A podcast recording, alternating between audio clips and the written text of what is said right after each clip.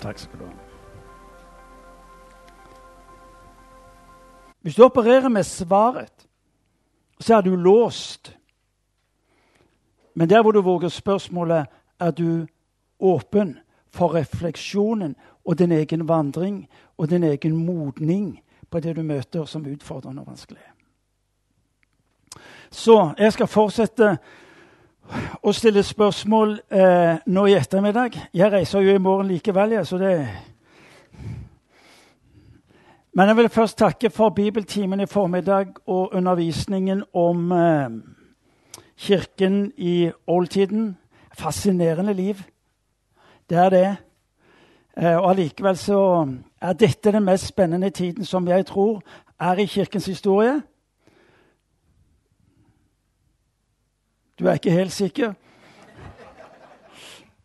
Men i hvert fall så ble jeg født for å være en del av denne tiden. Det syns jeg i hvert fall er spennende når det gjelder mitt liv. Jeg får vel nesten si som, eh, som uh, tidligere foredragsholder Jeg er òg gift. Jeg har én kone, og jeg har um, to døtre. Um, Miriam Irene på 29 og Hanne Therese på 25. De mest vidunderlige jenter på denne kloden. Det er subjektivt, men det lever jeg med. Og så kan du gjøre det du vil. Eh, det hadde seg slik at det var to indremisjonærer. Det er klart det må bli indremisjon. Jeg, jeg har arbeidet i Indremisjonen i 35 år. Hvor mange var det som var fra Indremisjonen her? Bare for, bare for å se dere igjen. Ja. ja. Det er viktig at vi holder sammen. Så hadde det seg slik at det var to indremisjonærer som ikke tålte hverandre. Tenk det. Sier dere det på dansk? De, de tåler ikke ansiktet på hverandre. Det, ja, det kan vi gjenkjenne. Um, og de, de, prøvde alltid å unngå hverandre. Men så hadde det seg slik en gang at um, de begge to måtte delta på en uh, samling for alle ansatte. Og de prøvde fremdeles å unngå hverandre.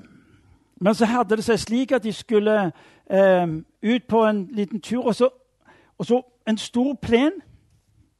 Så var veien på tvers over den. Og der oppdager de at de, de er på vei til å møte hverandre på midten av plenen. Og det kan ikke forsvinne. De treffer hverandre på midten av plenen, og så sier den ene indremisjonæren til den andre indremisjonæren vi får bare akseptere at vi er her begge to. Og så får du gå din vei, og så får jeg gå Guds vei.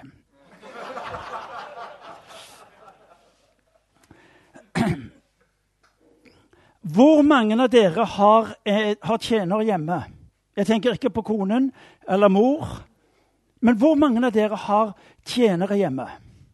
Eller slaver, for den saks skyld? Ingen av dere?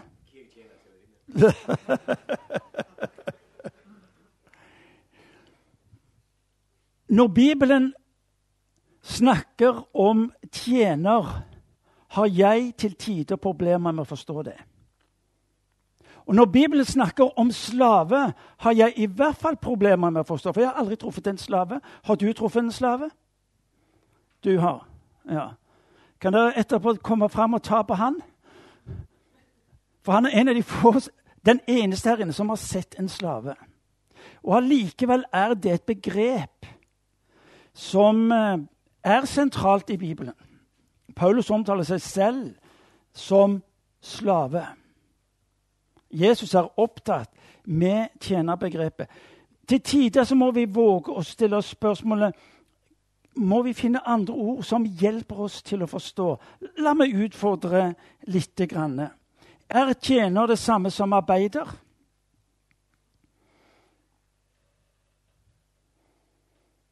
Kanskje, kanskje ikke. Er det en utvikling hos Jesus fra å være synder til å være tjener til å være venn? Jesus sier på slutten av sin vandring med disiplene.: Jeg kaller dere ikke lenger for tjenere, men venner.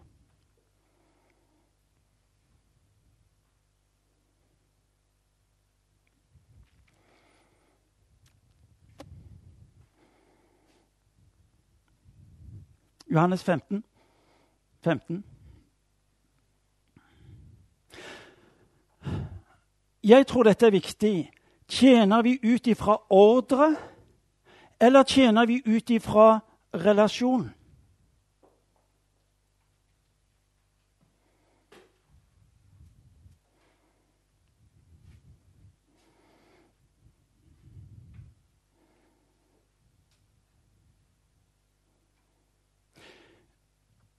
Når Jesus handler, så handler han ut ifra relasjon. Han sier ut ifra det jeg ser, ut ifra det jeg hører, handler jeg, sier han i Johannes evangeliet.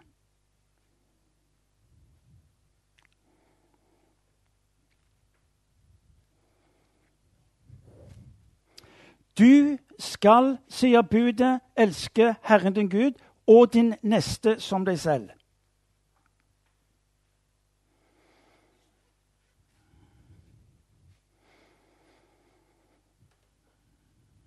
Hvor mange av oss klarer det? Jesus gjør det enda vanskeligere. På slutten så sier han dere skal elske hverandre som jeg har elsket dere. Vi kunne jo forsøke å elske vår neste som oss selv. Men å elske min neste som Jesus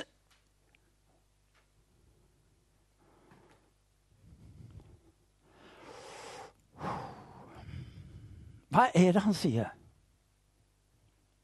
Han ber oss jo egentlig om det umulige. Forstår dere norsk? Hvis dere forstår det jeg sier, om dere kan nikke Kirken er altfor ofte blitt identifisert med Så hvis dere kan nikke når dere forstår det, så hadde det vært bra. Positiv bevegelse. Der de nikker. Um, nikkebevegelse.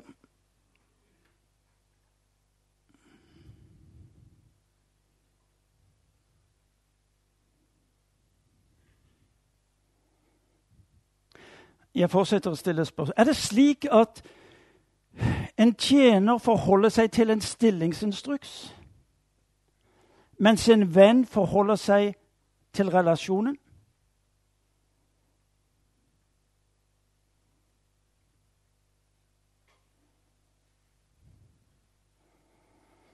Hvis du er tjener i Norge, så har du en regulert arbeidstid.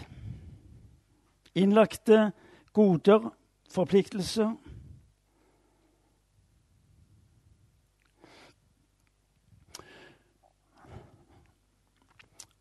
Hva, hva, hva, vil det si å være en tjener? Svaret jeg vet ikke. Fordi det er så mange utgaver av hvordan det livet skal leves. Men her skal du få det som har vært til stor hjelp for meg. Uh, uh, um, Peterson, som har oversatt The Message. Den moderne oversettelse, men det hender til tider at moderne oversettelser også er gode. Er det noen som har lest The Message? Den anbefales ikke som din hovedlesning, men den, den er på alle måter anbefalesverdig til å bli oppbygget. I Romerbrevet kapittel 12 vers 2 skriver oversetter Ocean Peterson Embrace what God is giving you. That's the best thing you can do for him. Hører dere? Dette er evangeliet for oss som er pastorer, prester og ledere. Hva er det Gud ber oss om å gjøre? Å omfavne det Han gir oss. Hva var det Jesus sa for noe? Jeg gjør ingenting uten at jeg ser hva min far gjør. Romerbrevet kapittel 12,2 i Ocean Petersens oversettelse har for meg blitt et evangelium. Martin. Dette er det Gud Fader ber deg om å gjøre inn i denne verden. Omfavn det jeg gir deg. Det er det beste du kan gjøre for ham. Ja, Men det har med nåde å gjøre. Da ligger ikke vekten på meg.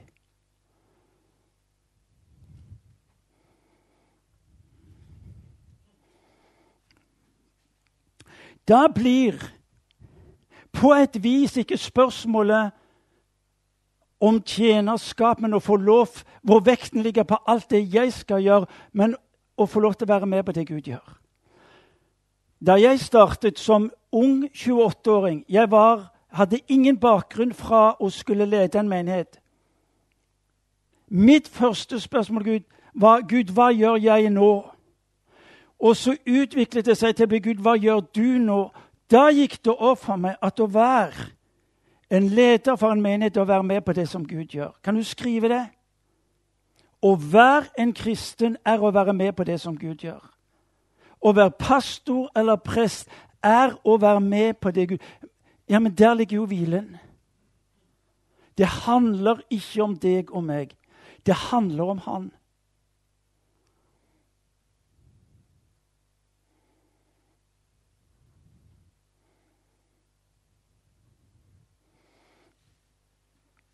Å være med på det som Gud gjør.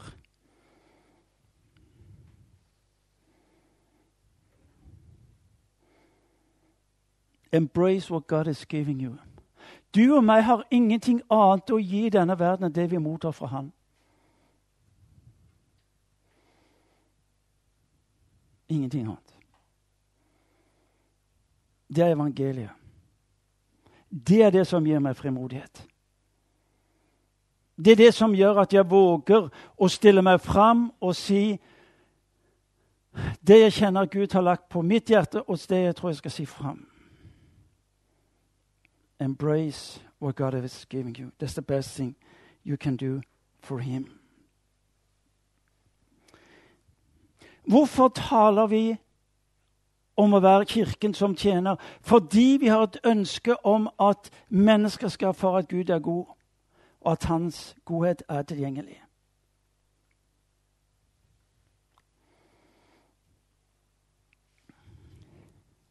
Slik at mennesker kan se det som vi eh, leste i teksten i, i dag tidlig fra Romerbrevet. Og det er snakk om at Gud har talt sant, leste vi, for at stadfeste løftene for fedrene. Men hedningene skal lovprise Gud for hans barmhjertighet. Det er den erfarte Guds godhet vi snakker om. Hvis hedningene skal få øye på Guds barmhjertighet, så må de erfare den. Hvis ikke, så forstår de den ikke.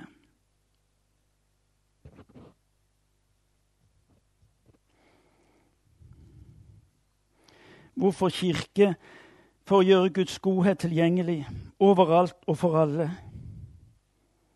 Kirken adlyder. Kirken tjener verden ved å adlyde Gud. Hva er det Jesus sier?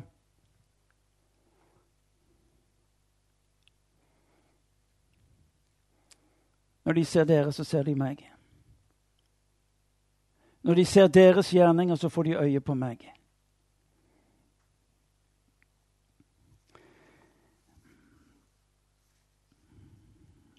Går det an å si at når Kirka tjener folket, eller i vår terminologi i Imekirken gjør Guds godhet tilgjengelig, så er den på sitt, meste, på sitt beste relevant?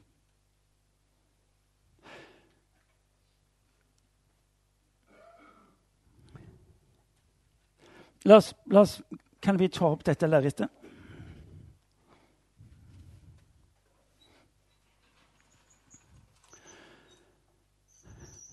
For de fleste mennesker, for de fleste kristne, mener jeg, så lever vi i en tenkning og en forståelse for at misjon er for de spesielt interesserte. Forstår dere meg? Misjon er for de spesielt interesserte. Men saken er den at hvis ikke Hvis ikke misiologien henter sin kilde i kristologien, så blir den en aktivitet.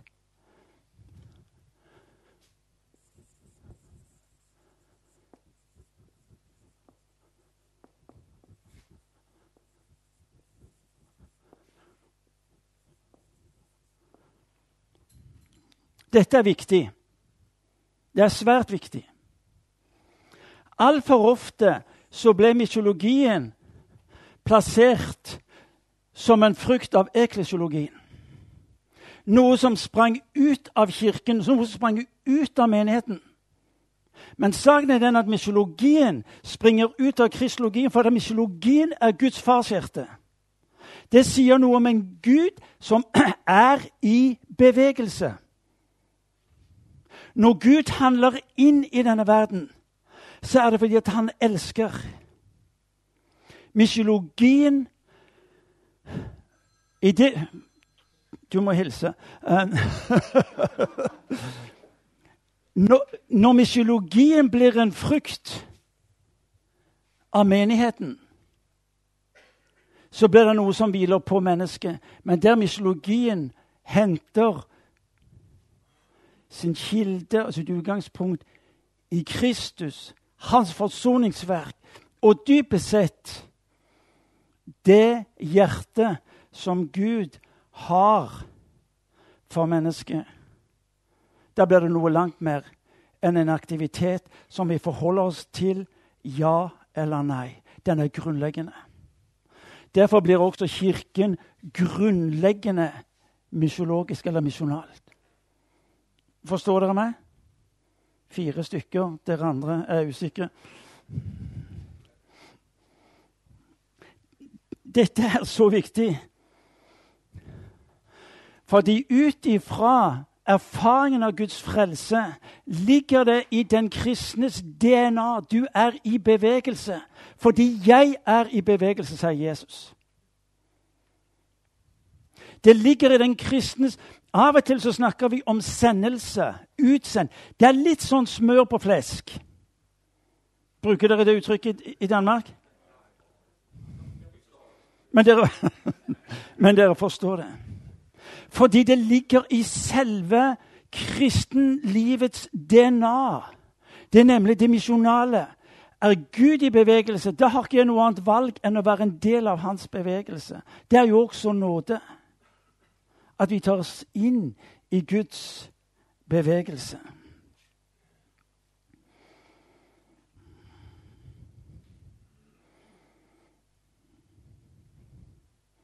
Hvem er du sendt til? Hvem er du sendt sammen med?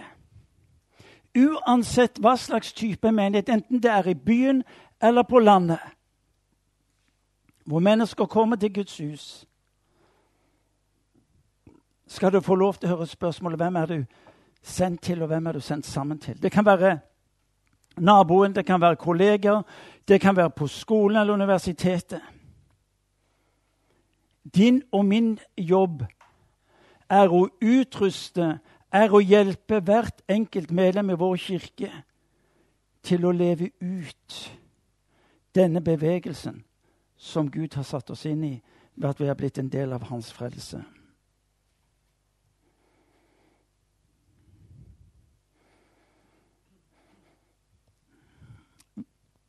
Kirken som tjener Hva var det som gjorde Jesus attraktiv? Det er mange ting. Vi har valgt for å gjøre bildet litt enklere. Så har vi valgt Det som kjennetegnet hans liv, det var hans godhet. Barmhjertighet, misken. Mennesker hang rundt ham. De var tiltrukket av hans godhet.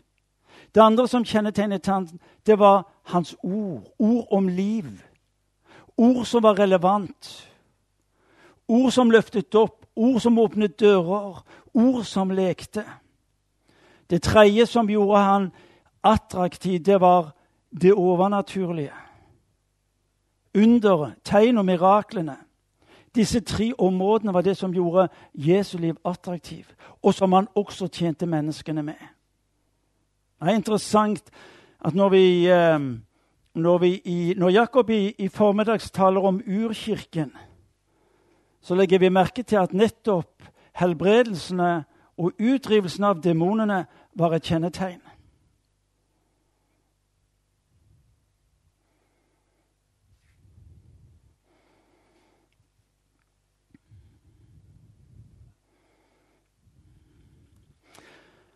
Dette skal jo være litt vitnesbyrd fra Imi-kirken og det livet vi har hatt der. Så her kommer noe av det.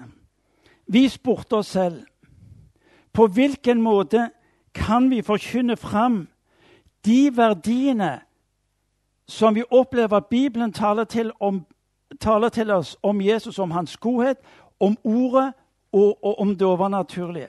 På hvilken måte kan vi forkynne dette fram, og på hvilken måte kan vi eh, strukturere dette eh, på en slik en måte at det hjelper mennesker til å leve dette i sin hverdag?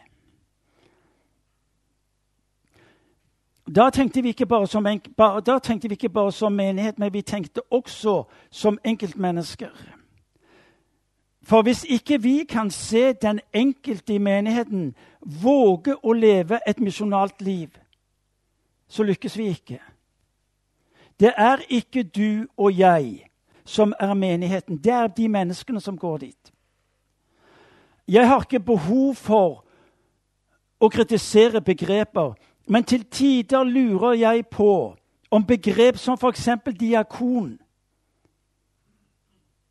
gjør det tillatt for en, men, for en, mengde mennesker å bli passive fordi vi har en som er betalt for å hjelpe. I de fleste norske kirker i dag er det nesten umulig å få mennesker til å øve en diakonal innsats uten at de får betaling.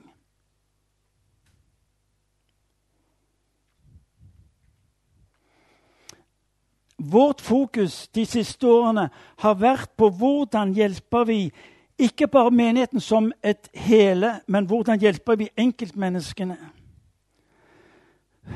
Og det Vi forsto, er at vi, vi, vi, var nødt til å begynne å fokusere på å bygge en kultur. Det som ikke blir kultur, mister vi etter hvert. Det som ikke blir kultur, blir noe vi har en periode, og så mister vi det. Vi spurte istedenfor å bruke begrepet tjener, kan vi fylle det begrepet med andre ord. Og de ordene vi valgte å løfte fram, det var ordene godhet. Det var anerkjennelse.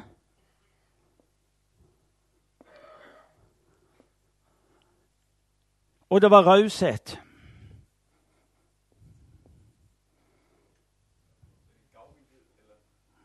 Raushet Generosity. La meg si vi, vi har tjenester som går på veiledning og sjelesorg. Vi har nesten 40 personer som er involvert i vår, vei, i, i vår veiledning og, og um, sjelesorgtjeneste. Men vårt mål var hvordan kan vi få alle de mennesker som har Imekirken som hjem, alle de mennesker som kommer til Imekirken på besøk, hvordan kan vi hjelpe disse menneskene til å leve ut det bibelske eh, idealet om å tjene menneskene som vi møter i vår hverdag? Det ble vårt spørsmål. Det vi gjorde, det er at vi valgte å konsentrere oss om disse tre ordene godhet, anerkjennelse og raushet. En mann spurte meg, 'Martin, hvis folk kommer til kirka vår og ikke møter godhet, får de da et sant bilde av Gud?'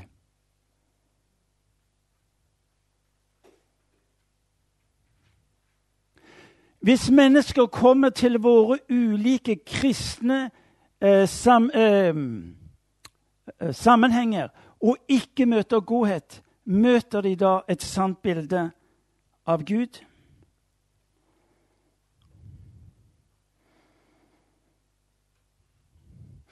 Hvis mennesker møter kristne og ikke møter godhet, møter de da et troverdig Kristusvitne? Jeg stiller bare spørsmål.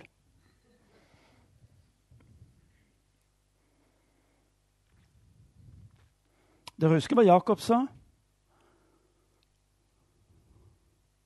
Det var noe med livsstilen deres som ble problematisk. Fordi at livsstilen sa noe om en tilhørighet.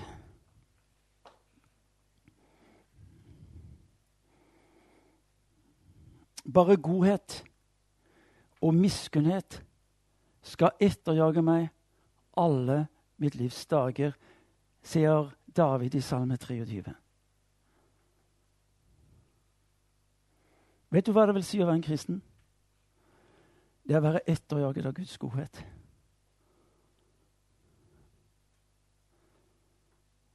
Hvis det hadde vært pinsevenn her, så hadde sikkert noen hadde sagt halleluja. Det der er ikke småtterier. Skjønner dere uttrykket småtterier? Det der er ikke småtterier. Du står opp hver morgen, og din bekjennelse får lov til å være i dag, denne dagen, hviler Guds løfte over mitt liv. Bare godhet og miskunnhet skal etterjage meg hele denne dagen.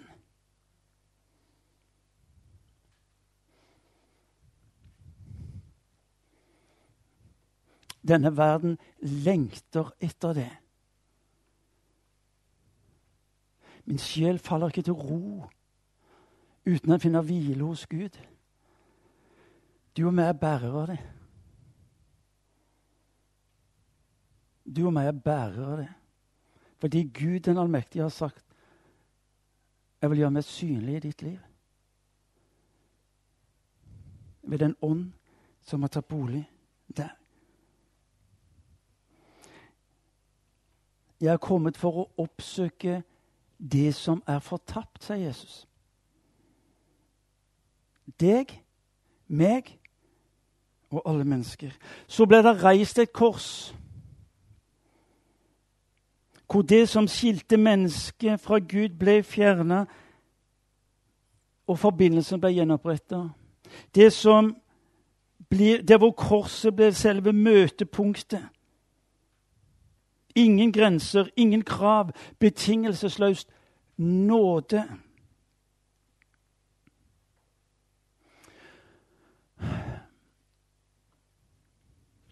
Å være en kristen er å la seg omfavne av Gud.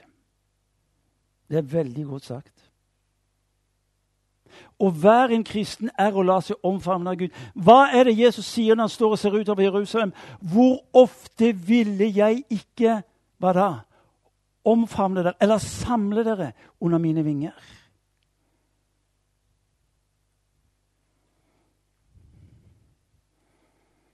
Hvorfor elsker vi? Jo, fordi han elsket oss først, er bekjennelsen.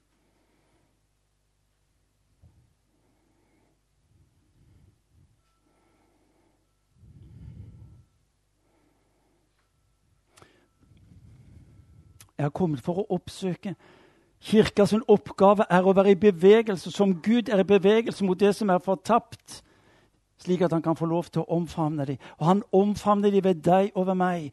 Godheten har et ansikt, nemlig ditt. Godheten har et ansikt, nemlig ditt.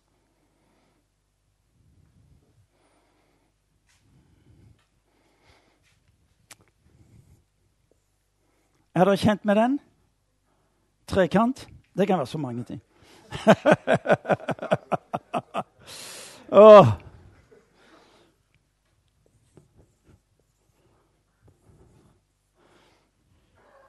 Dere kjenner til det? Noen av dere. Men det, det, er et godt bilde på hva det vil si å være en kristen.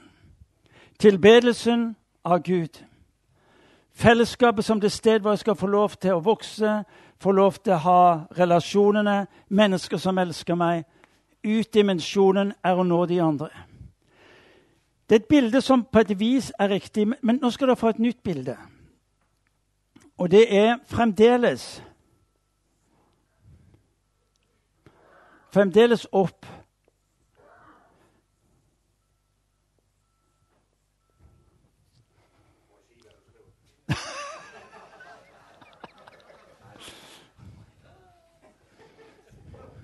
Er det andre keivhendte her?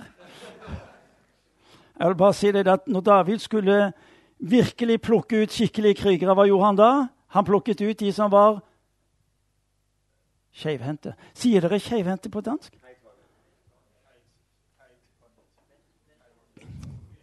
Left-handed. Inn, opp, ut. Hva er det symbolet for? På TV-en Start, ja. Play-knappen. Din og min store utfordring det er at vi lever godt her. Alt det vi skal gjøre i menigheten, det tar tiden vår. Det har fokuset vårt. Ja, Og så tilber vi Gud gjennom vår gudstjeneste. Men dette er vårt problem. Derfor har vi valgt, så har vi snudd, slik at vi sikrer oss at fokuset er ut. Å være en del av Guds bevegelse. Bare godhet og miskunnhet skal ikke fylle, men følge meg alle mine dager. Fra Gud mot mennesket, uansett hvor det mennesket måtte befinne seg.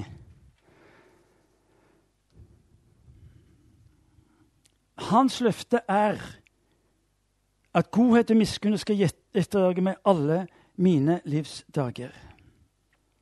Hva sa jeg i går? Jeg sa i går at Kirken er primært vitnesbyrdet om Jesus Kristus, hvor Kirkens oppgave er å utruste de hellige for misjon. Godhet er noe du selv mottar. Korsmerket godhet er noe du selv mottar og lever i, er avhengig av. Derfor lyder det også ifra Skriften Johannes evangeliet. Den som tørster, la han komme til meg og drikke, motta min godhet. For at det fra hans indre skal, som Skriften har sagt, renne strømmer av levende vann. Hva er det? Godhet videre til de menneskene som jeg får lov til å leve sammen med. Slipp godheten løs. Det er, til, det er tillatt. Bestem deg for det. La det bli en sak på lista di.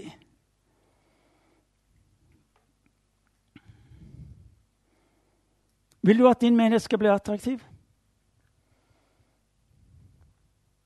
Jeg har en drøm for Imi-kirken i Stavanger. Det er at når bilene kjører Vi er, vi er midt i det store krysset i, i eh, Stavanger. Tusenvis av biler kjører forbi hver dag.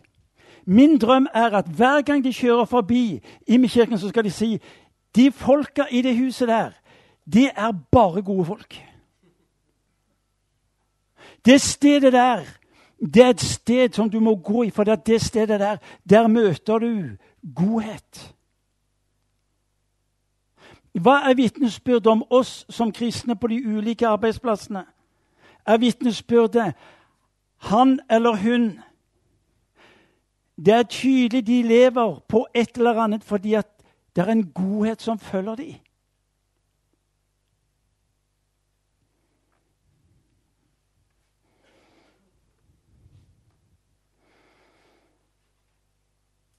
Slipp godheten løs. La meg nevne for dere kort noen, eksempel, eh, noen vitnesbyrd om hva vi, har, eh, hva vi har gjort i Imi-kirken. Det vi oppdager, er at å skulle våge å leve ut et liv av godhet, av anerkjennelse og av raushet Nå skjønner dere ordet raushet. Sjenerøsitet. Var at det måtte vi gjøre sammen. Det interessante er at når Bibelen henvender seg til enkeltmennesker, vil det også henvende seg til et folk.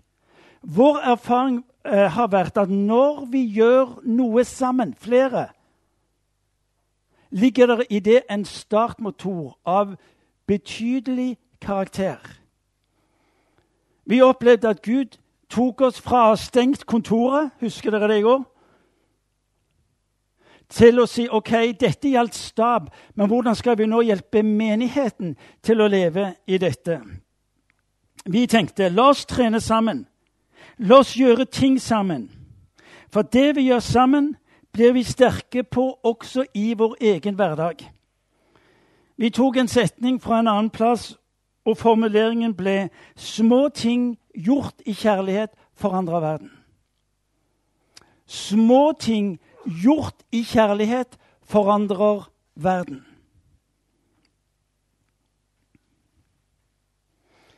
Vi vet jo det fra våre egne liv. Det er, jo, det er jo de små tingene som har betydning. Det er jo bagatellene som skaper krig eller fred. Det er jo bagatellene som produserer det uforsonlige eller det forsonlige. Det er den lille tua som Sier dere tua på dansk? Som velter det store lasset. Det er de små tingene, gjort i kjærlighet, som forvandler verden. Så det vi gjorde, vi inviterte menighetens folk til å tre ut av huset, bevege seg mot byen vi var ca. 500 mennesker i vår kirke i Stavanger. Hver juni mer enn 500 mennesker. Og jeg, jeg kan fortelle, dere første gang dette skjedde, første gang for syv år siden, var våre medlemmer redde og nervøse. Vi hadde tre hovedgrupper. Det var eh, enslige mødre, eller enslige foreldre. Det var eldre, og så var det innvandrere. Vi ville male husene, vi ville rydde hager. Vi ville reparere biler for spesielt enslige, husmødre, enslige mødre. Vi har en del enslige mødre i vår menighet. Jeg har sett noen av de bilene de kjører med. Ikke godt. Så vi kan du tenke deg? Jeg gikk over til min nabo. Han er ateist. Han driver et stort verksted. Og så sa jeg til han, 'Jeg trenger ditt verksted om en måned.' Jeg trenger det fem dager fordi jeg skal reparere biler for enslige mødre. Så ser han på meg, kona ser på meg, eh, sønnen med sin kone, samboer ser på meg, og så sier jeg til han, 'Det er en type galskap.' Så ser han på meg og sier det er helt riktig. Det er galskap. Men det er greit. Du skal få verkstedet mitt fem kvelder til å reparere biler. Vi vasker biler. Vasker 1000 biler. Det interessante er det gjorde veldig mye med menneskene der ute. Men dere skulle ha visst hva det gjorde med menigheten. historiene på hva som skjedde den uka, tilsvarer ti års oppsamlet eh, gode ord om Imekirken. Får dere tak i det? Norge et av verdens rikeste land. Et av de beste land å bo i. Like fullt inni der er det en dyp lengsel etter erfare godhet. Da vi vasket bilene, så så jeg biler som kjørte opp for å bli vasket av glade amatører. BMW-er. Vet dere hva BMW er? Mercedes. Halvannen million kroner. Og jeg hadde vel aldri tatt sjansen på å la de vaske min bil. Skulle se hvordan de, de lina opp for å bli betjent. Og jeg spurte hvorfor i all verden gjør dere det? De har mer enn nok penger til å kunne vaske bilen i en vaskehall. Men der ligger noe nedgravd i menneskene, nemlig opplevelsen av godhet. Han satt i rullestol, han ene, den ene mannen. Han forteller det kom noen mennesker eh, til mitt hus fordi det var en nabo som hadde fortalt om det. De kom her på fredagen, og så sier de vi hører at du ønsker at huset ditt skal bli malt. Er det i orden at vi gjør det? Ja, det er greit, det, men, men når kommer det? Vi kommer på mandag. Tre dager senere. Ja, men da må jeg kjøpe maling først, og det skal være klart. Nei, malingen kjøper vi. Alt vi gjør gjennom den uken, er gratis. Fordi vi har et ønske om at menneskene i byen vår skal ha en opplevelse av Guds godhet og Guds nåde, er gratis. Hvorfor gjør dere det? Fordi vi har erfart Guds godhet.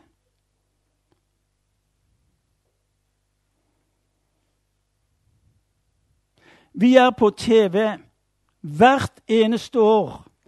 Kveld etter kveld kjører de den samme reportasjen. Jeg tenker ja, men dere spurte meg om akkurat det samme i fjor. Vi gjør jo ikke mer nytt nå.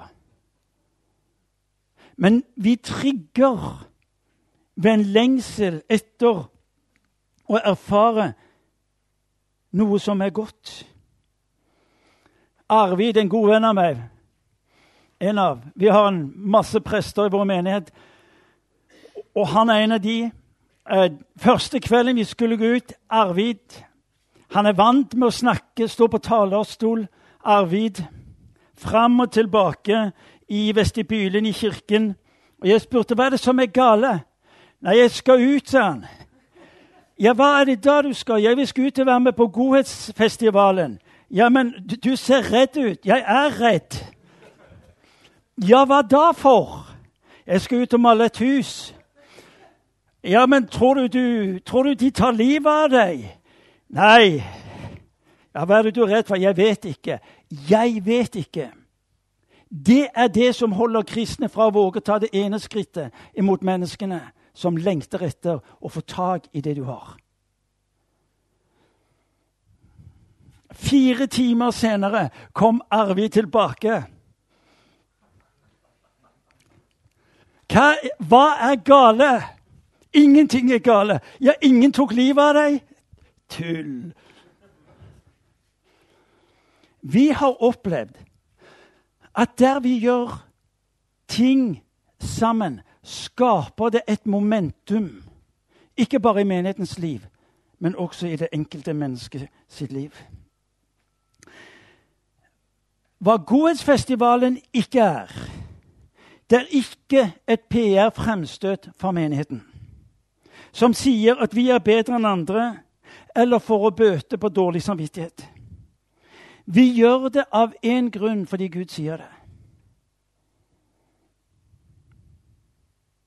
Dernest at et møte med godhet gir mennesker et møte med Gud.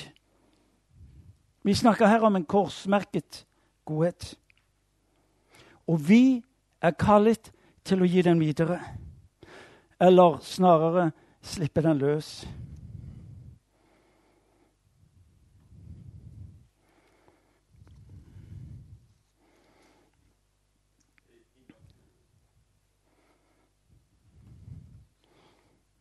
Er det noen som husker hva jeg sa?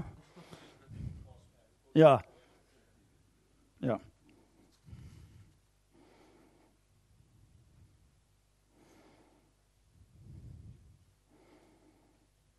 Vi skal gi den videre, eller snarere vi skal slippe den løs.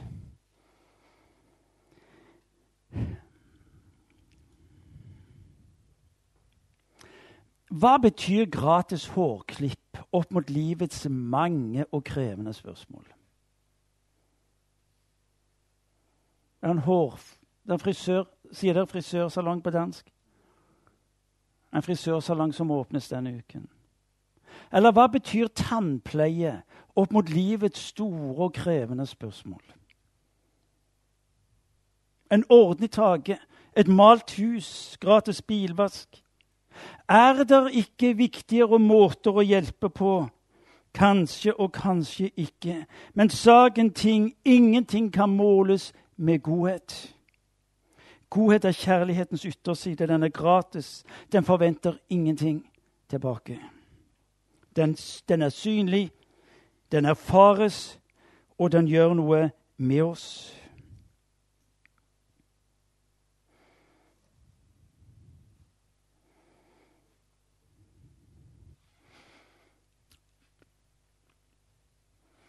I vår menighet så er vår struktur at vi har smågrupper eller cellegrupper hvor vi forsøker å være for, overfor hverandre det Kristus kaller oss til å være, nemlig at vi skal elske hverandre. Men vi er, vi, har, vi er nesten besatt på å ville ta dette også med oss ut forbi. For mange så ble Godhetsfestivalen den, den uken som vi har i juni, den ruller og går nå ved at vi gjennom hele året forsøker å leve ut dette misjonalt overfor mennesker. Men vårt fokus har vært å se enkeltmennesker leve i det samme. Og nå skal dere høre noe. Hvis ikke du og jeg vil gjøre det, vil heller ikke de andre gjøre det. Jeg står på en dagligvarebutikk, heter det det. Foran meg i køen står en innvandrer. Han skal betale, har ikke nok penger. Og jeg sier til han, 'Jeg betaler for deg.' Nei, nei, nei, nei, nei, nei. Jo, men det er klart jeg kan betale for deg. Nei, nei, det var ikke aktuelt. Køen ble lenger og lenger. Så sier jeg til han som står i kassen, 'Hvor mye er det han skylder?' Nei, det var, det var ikke så mye. Det var noen 30, 40, 50, 60 kroner. Jeg husker ikke. Så jeg tar 50 kroner, legger på kassen, og så sier jeg til innvandreren nå kan du gå. Det er betalt. Ha en god dag. Han tar med seg sine varer, og så går han. Da jeg så kommer ut av butikken, står han litt lenger borte sammen med sine kamerater. Og idet jeg kommer ut av butikken, så peker han. Og så sier han, tenker jeg Nå opplevde jeg noe som var helt crazy. En typisk rasist. Du kunne se det på han. Flintskallet, 50-60-årene. Han betalte det jeg manglet. Helt, helt utrolig. Så kommer han hjem om kvelden så forteller han sin mor og sin far sånn, i dag opplevde jeg noe som var helt crazy. Ja, hva da? Jo, jeg møtte butikken, og nå var rasisten blitt enda større. Får dere tak i poenget? Vi kan vente på de offentlige reguleringer. De betyr ingenting for våre hjerter. Det er Kristus i deg og meg. Når han får lov til å leve ut sin godhet At du og meg får lov til å se at samfunnet rundt oss forvandles. Jeg er så glad fordi du underviste i formiddag at vi er ikke kalt til å kopiere Kristus. Hvem i all verden kan kopiere Kristus? Hvem i all verden er det som våger Kristus som modell for sitt liv? Ikke jeg. No way. Men vissheten om at han har tatt bolig i meg, gir meg frimodighet.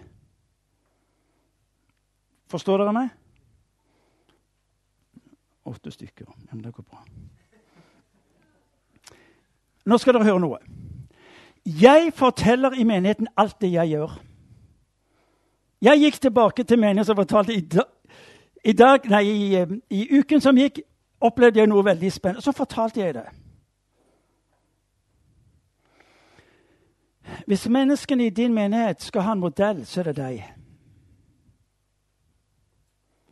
Litt utfordring må det være her nå. Så begynner ryktene å gå. Det gikk en uke, så kom ryktet ifra eh, en dame som sto i en McDonald's-kø. Damen foran henne, betalingskortet virket ikke. Ja, men no problem, jeg betaler for det, jeg. Klakk. Og betalte. Og fortalte om det. Og slik ruller det og går. Uke etter uke, måned etter måned. Og så hører du på hvordan dette sprer seg. I en av butikkene så står de altså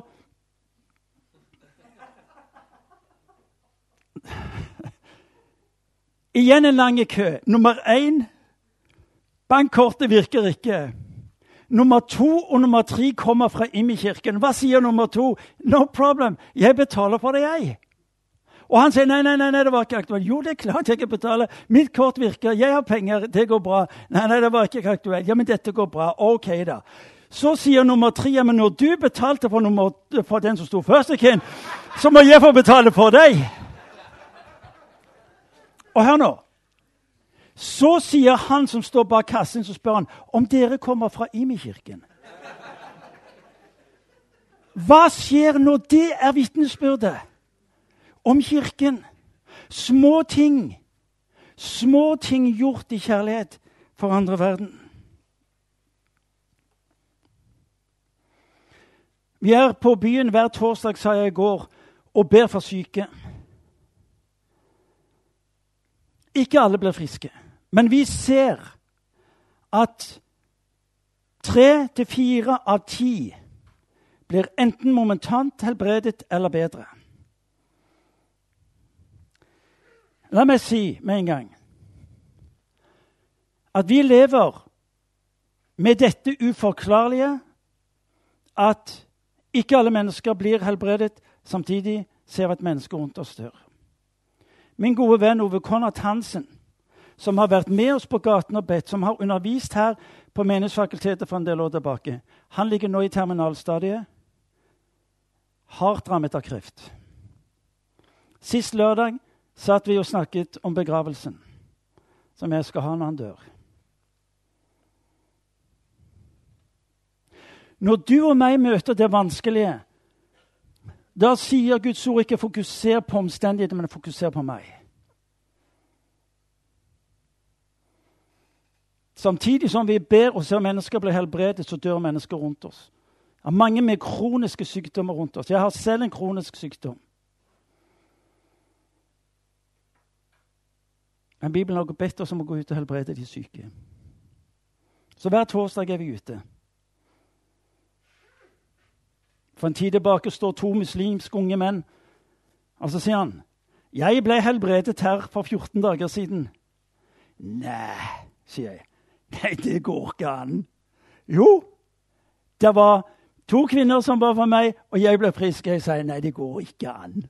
'Jo', sa han, 'jeg ble frisk.' Ja, 'Hvor lenge hadde du vært?' Så jeg har vært syk i to år. Og så mener du at du ble frisk fordi det var noe som Ja, jeg ble frisk. Hvem var det som gjorde det? Jeg vet ikke det, men de ba til Jesus for meg. En dame som kom med kreft, som hadde hatt kreft, kom hver torsdag og ble bedt for. Etter seks måneder kommer hun igjen og så sier hun, 'Jeg er nå erklært frisk fra kreften.' Men kan du si noe mer om denne Jesus? En parentes. De fleste prester i Stavanger som ser meg når jeg står ved bønneteltet, de går over på andre siden av gaten. Det er noe av det smertefulle. Fordi dette er Kirken kalt til å gjøre inn i vår tid. Jesus I Lukas' evangeliet, når han kommer med sin programerklæring om hva han skal gjøre i denne verden, så er hans fokus nøden.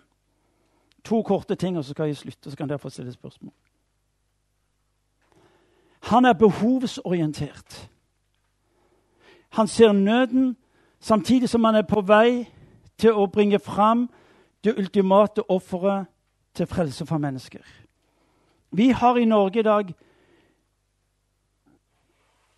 innvandring hvor mange av disse ikke kan norsk. Vi stilte spørsmål hva skal vi gjøre. På hvilken måte kan vi få lov til å bety en forskjell i disse mennesker sitt liv. Og det vi oppdaget, er at de kan ikke språket. Så vi går tilbake til menigheten. Skal vi etablere en språkskole for innvandrere? Som gjør at de kan komme inn, møte norsk, møte norske. Første gang var vi tolv.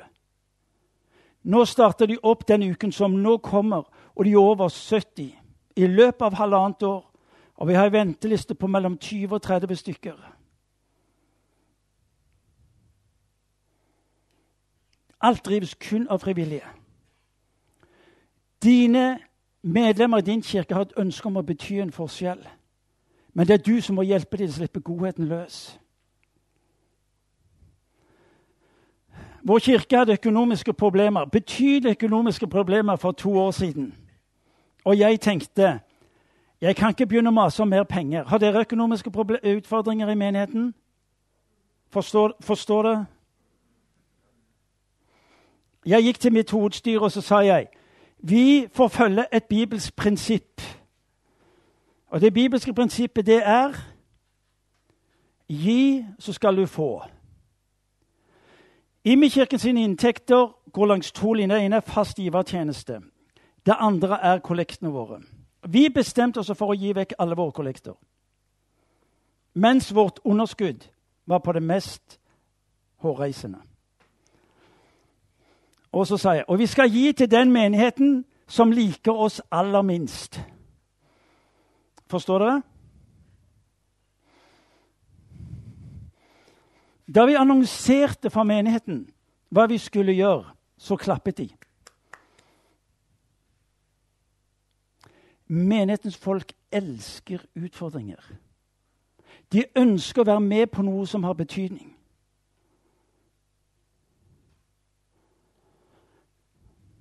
I løpet av en søndag og nå de siste to årene har våre inntekter på, så har kollekt, Sier dere kollekt på dansk? Har kollektinngangen eh, økt tre ganger. Men alt går jo ut. Forstår dere?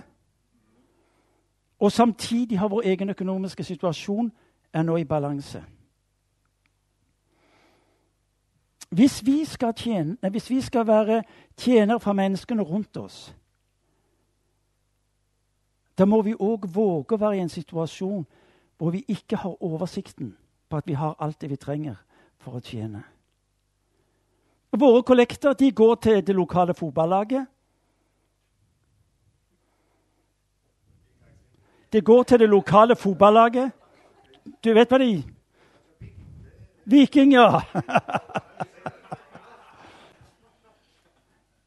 Her så, så kjøpte vi inn snømåkingsmaskiner.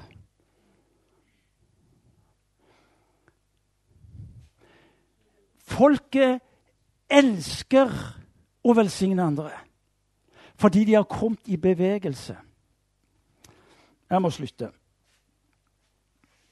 Jeg tror at det er et dypt og ubevisst urrop i mennesket, formulert slik den kommer hos salmisten i Salme 85, 8.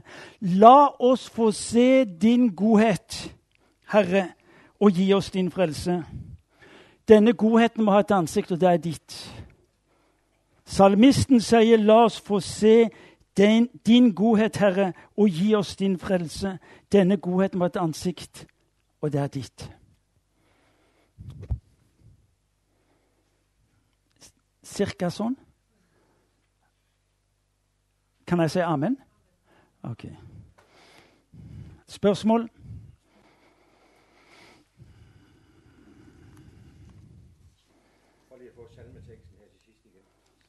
85,8. Mm.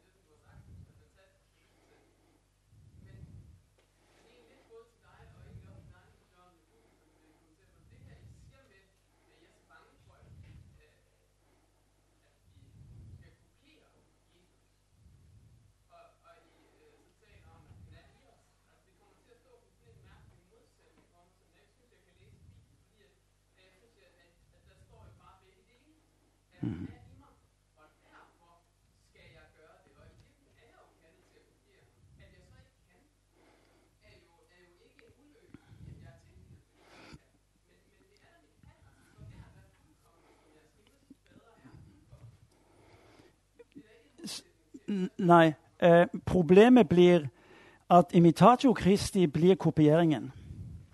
Problemet er at det er så mange mennesker som har gjort Jesus til sitt forbilde.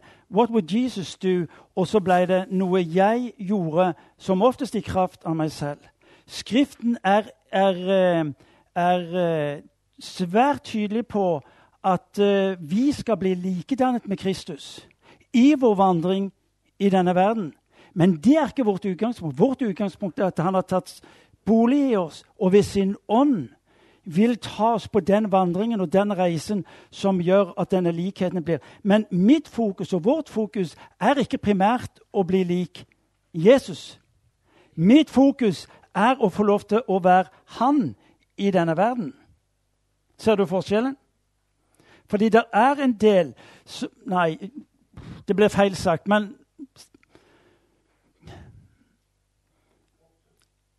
Det er frukten vi snakker om når vi snakker om å bli ham lik. eh,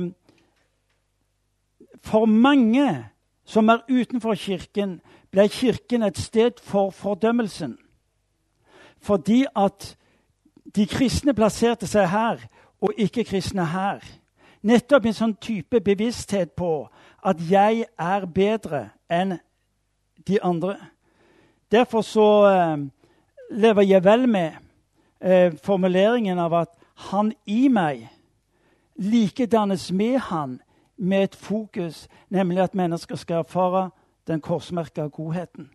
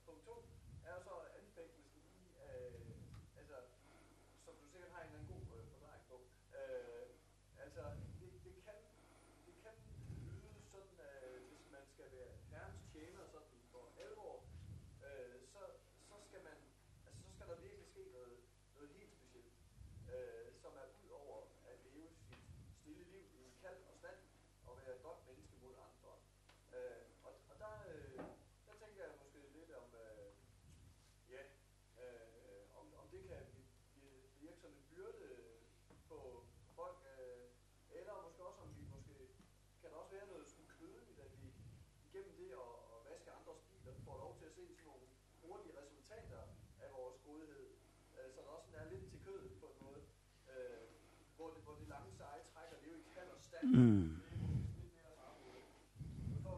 Ja. ja. La meg prøve å svare på, to, på to spørsmål. Når vi underviser om dette, så deler vi vitnesbyrdene i menigheten. Vi, vi er ekstreme på å få alt av vitnesbyrd opp på talerstolen. Når vi underviser om dette, så sier vi, for å gjøre dette enkelt og hverdagslig, det er at når du går på jobb i morgen, så tar du med deg to epler istedenfor ett. Når du skal hente kaffe til deg selv, så henter du to kopper med kaffe. Altså, hvis ikke vi starter, som vi sier, de små tingene, vil vi heller ikke se de store tingene. Og dette gir frimodigheten til alle mennesker i vår menighet. Og la meg si det slik I vår menighet har du alle typer mennesker. Det vi ser skje nå, er at alle mennesker skjønner ja, men dette kan jeg gjøre.